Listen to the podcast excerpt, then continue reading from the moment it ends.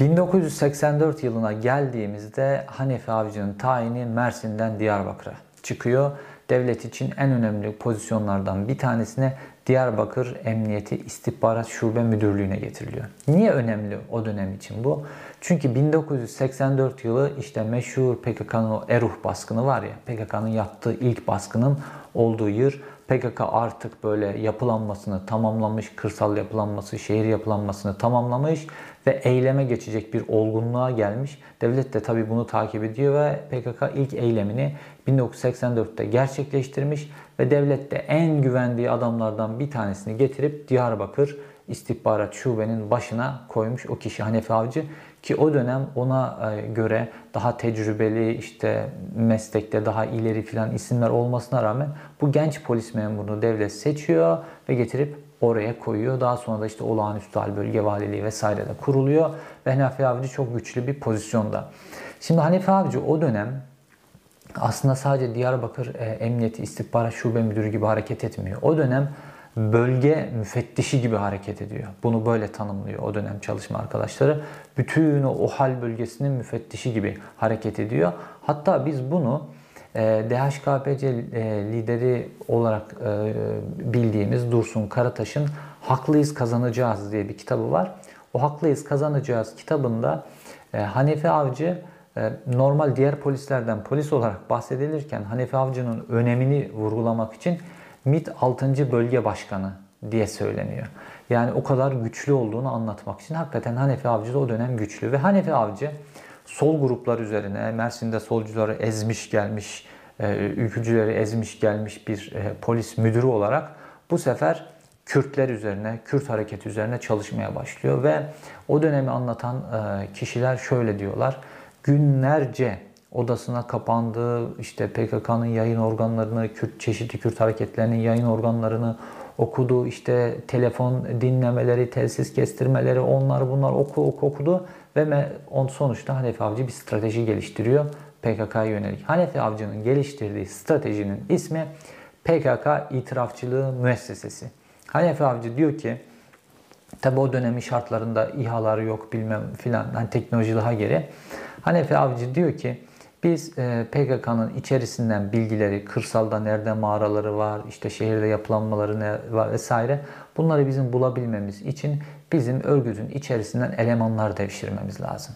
Ve PKK itirafçılığı denen müesseseyi kuruyor. Hanefi Avcı'ya bir bütçe tahsis ediliyor. Ve Hanefi Avcı bu bütçeyle PKK'nın içerisinden adam satın alıyor, devşiriyor. Hanefi Avcı'nın böyle insanlarla ilgilenmesi, insanları kendine bağlaması da çok önemli bir faktör devlet içerisinde yükselmesi açısından da ve bazı böyle PKK'lıları bizzat kendisine böyle aşık ediyor neredeyse o derece. Bunu daha sonra İstanbul Festivali'nde da anlatacağım. Ve dolayısıyla Hanefi Avcı PKK e, itirafçıları denen bir müessese kuruyor. Hatta tutuklanmış, çeşitli eylemler nedeniyle filan cezaevine konmuş PKK'lıları gidiyor cezaevinde ziyaret ediyor. Onlarla uzun saatler konuşuyor, konuşuyor, onları elemanlaştırıyor, aile sorunlarını çözüyor, ekonomik sorunlarını çözüyor vesaire ve böyle bir ağ kuruyor. Ve PKK itirafçılığı ağıyla birlikte PKK örgütün içerisinde, devlet örgütün içerisinden bilgiler almaya başlıyor. Bu bilgilerle kırsalda operasyonlar yapılıyor, şehirde operasyonlar yapılıyor vesaire. Ve sonra devlet bu PKK itirafçılarına bizzat e, şiddet eylemleri yaptırabileceğini de daha sonra keşfediyor ve sonra da işte bu bildiğimiz 90'ların sonlarına doğru PKK itirafçılar üzerinden yaşanan şiddet olayları vesaire bunlar gerçekleşiyor vesaire bu sonraki ayrı konu. Fakat o dönem başka önemli bir gelişme daha gerçekleşiyor. O da Hizbullah'ın kuruluşu. İşte Hizbullah'ın sahneye çıktığı yıllar Hanefi Avcı'nın Diyarbakır İstihbarat Şube Müdürü bir söylemede göre bölge müfettişi olduğu yıllar. Şimdi şöyle bir tez söylenir sürekli. İşte Hizbullah'a devlet kurdurdu PKK'ya karşı. Şimdi JITEM, JITEM var bir de o dönem kurulan. E, JITEM'in kurucusu olarak bilinen Albay Arif Doğan'ın çok ünlü bir ses kaydı var. Bu Ergenekon süreçlerinde çıkmıştı. Arif Doğan diyor ki işte JITEM'i biz kurduk ondan sonra diyor. İşte Hizbullah'a da biz kurduk filan bunları anlatıyor. Hatta o dönem Hanefi Avcı'dan da bahsediyor. Diyor ki İşte bizim böyle emniyette böyle, böyle istihbaratçı gözü açık bu işleri çevirebilecek bir adam lazımdı bize. İstedik Hanefi Avcı'yı gönderdiler. Çok zeki, başarılıydı falan. Sonra biz onu JITEM'e aldık filan diyor. Ama bu spekülasyon. Arif Doğan'ın abartıyor e, söylemi de var. Bununla ilgili bir delil yok ortada. Fakat Arif Doğan o dönem JITEM için önemli adamlardan bir tanesi. Şimdi Hizbullah'ı devlet mi kurdu, kurmadı mı PKK'ya karşı bu bir tartışma konusu, spekülasyon konusu. Fakat şöyle bir gerçek var. Hizbullah'ın kurulup PKK'ya karşı güçlenip PKK'ya karşı saldırılar gerçekleştirdiği dönem devletin Hizbullah'a karşı hiçbir operasyon yapmadığını görüyoruz. Normalde işte devlet için PKK da bir terör örgütü, Hizbullah da bir terör örgütü. İkisinin üzerine de gitmesi lazım devlet. Ama birisini koruduğunu görüyoruz. İşte bu korudu. Kurmasan bile bu koruma, yol verme aynı zamanda onu kullanıyor e, oluşun anlamına da geliyor. Şimdi bir örgütü operasyon istihbarat üzerine yapılır. İstihbarat operasyonun e, temelini oluşturur ve o gelen istihbarat doğrultusunda da işte terörle mücadele şubesi ya da asker kim neyse bunlar operasyonu yapar. Şimdi Hizbullah'la ilgili böyle bir istihbarat gelmeyince Hizbullah'a yönelik de bir operasyon gerçekleşmiyor dolayısıyla. Yani operasyon oluşmuyor bir türlü ve Hizbullah işte o dönem e, Kürt siyasetçilere yönelik, PKK'lılara yönelik falan çok sayıda suikast eylem gerçekleştiriyor. Ve hakikaten PKK'ya çok ağır darbeler indiriyor. İkili arasında da e, gerilimler, çatışmalar da yaşan, PKK da onlara saldırıyor vesaire. Olay büyüyor ama PKK'yı o dönem en etkileyen olaylardan e, bir tanesi olarak kayda geçiyor.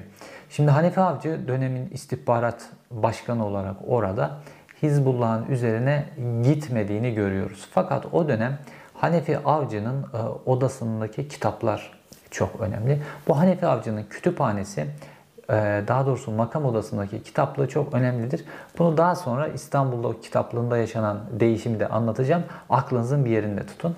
Şimdi o dönem kitaplığında işte Hasan el-Benna, ondan sonra Maturidi, e, İhvan-ı Müslimi'nin kitapları filan bu kitaplar var e, kitaplığında. Hani normalde şöyle düşünürsünüz hani bu kitapları okuyorsa iş yerinde, ofiste okuma ihtimali yok, evde okur filan. Ama Hanefi Avcı'nın orada o odasında o kitapların durmasının bir sembolik anlamı var. Bunu daha sonra İstanbul faslında anlatacağım size. Şimdi Hanefi Avcı o dönem o kadar güçleniyor ki e, Abdullah Öcalan'ı Suriye'de yakalamak, getirmek ya da ona suikast düzenlemekle ilgili emniyet içerisinde bir hazırlık yapıldığına ilişkin bilgiler yıllar sonra ortaya çıkıyor. Hatta Hanife Avcı'nın meşhur 32. gün programında Mehmet Ali Birant'ın karşısına çıktığında 1997'de Mehmet Ali Birant bunu soruyor. Diyor ki emniyet diyor Abdullah Öcalan'ı Suriye'den getirmek için bir şey yaptı mı? Hanife Avcı diyor ki e, emniyetin yurt dışında istihbarat görevi yok. İşte emniyet e, böyle bir şey yapmıyor. Operasyonda görevi de yok. Böyle bir şey yapmışsa yanlış yapmıştır. Bu MIT'in görevi. Ama diyor orada bir boşluk varsa diyor emniyet iyi niyetle hani onu gerçekleştirmek istemiş olabilir diye konuyu yuvarlıyor. Aslında Abdullah Öcalan'ı Suriye'de yakalamak, getirmek, etki altına almak, öldürmek filanla ilgili yapılan hazırlık bizzat Hanefi Avcı'nın emri tarafından, e, e, Hanefi Avcı tarafından e, talimatlandırılmış ve yapılmış bir hazırlık. Bu çok net yani. Fakat Hanefi Avcı aynı zamanda Ankara Hukuk Fakültesi mezun olduğu için böyle kameralar karşısında bu konuyu çok da kabul edip kendisini e, MIT'le de karşı karşıya ya da e, suçlu duruma düşürebilecek bir şey söylemiyor. Ama bu bunu Hanife Avcı'nın o dönem ne kadar güçlü olduğunu Güneydoğu'da anlamanız için anlattım. Şimdi burada Hanife Avcı'nın e, elemanlaştırdığı PKK içerisinde önemli isimler var. Bunlardan bir tanesi de Süleyman Ülger. Şimdi bu Süleyman Ülger neden önemli? Bu Hanefi Avcı ile çok kader birliği yapıyor ailesiyle birlikte. İşte Hanefi Avcı o dönem aşiretlerle de görüşüyor. İşte Jirki aşireti falan onları devletin yanına çekmek, koruculaştırma müessesesi böyle görüşülüp insanları korucu yapıyor falan. Böyle bayağı bir yoğun çalışıyor böyle. Hani işkolik bir adam yani devlet açısından. Ve Süleyman Ülger'i de o dönem işte elemanlamış PKK itirafçısı haline getirmiş ve onun üzerinden çeşitli ondan aldığı işler, organizasyon, operasyona dönüşmüş. Hanefi Avcı daha sonra işte Güneydoğu'da bütün bu işleri tamamlayıp Güneydoğu'daki esas PKK ile mücadele edebilecek yöntem olan ve çok uzun yıllar kullanılan e, bu PKK itirafçılığı müessesesini kurup oturttuktan sonra yani Güneydoğu'daki o görevini de tamamlıyor. Tıpkı Mersin'de 80 darbesine giderken solcular üzerinde yaptığı operasyonu tamamladığı gibi daha sonra Güneydoğu'daki operasyonu da tamamlıyor ve Hanefi Avcı'nın İstanbul günleri başlıyor. Hanefi Avcı artık bir istihbaratçı için en önemli konumlardan birisi olan İstanbul Emniyeti İstihbarat Şube Müdürlüğü'ne atanıyor. Fakat yanında giderken Süleyman Ülger ve bazı PKK itirafçıları da kendisiyle beraber İstanbul'a geliyor ve Hanefi Avcı'nın İstanbul günlerinde bu sefer önünde bambaşka bir operasyon dosyası var. Solcular ve Kürtler üzerinde edindiği tecrübeyi bu sefer cemaat üzerinde kullanmaya başlıyor.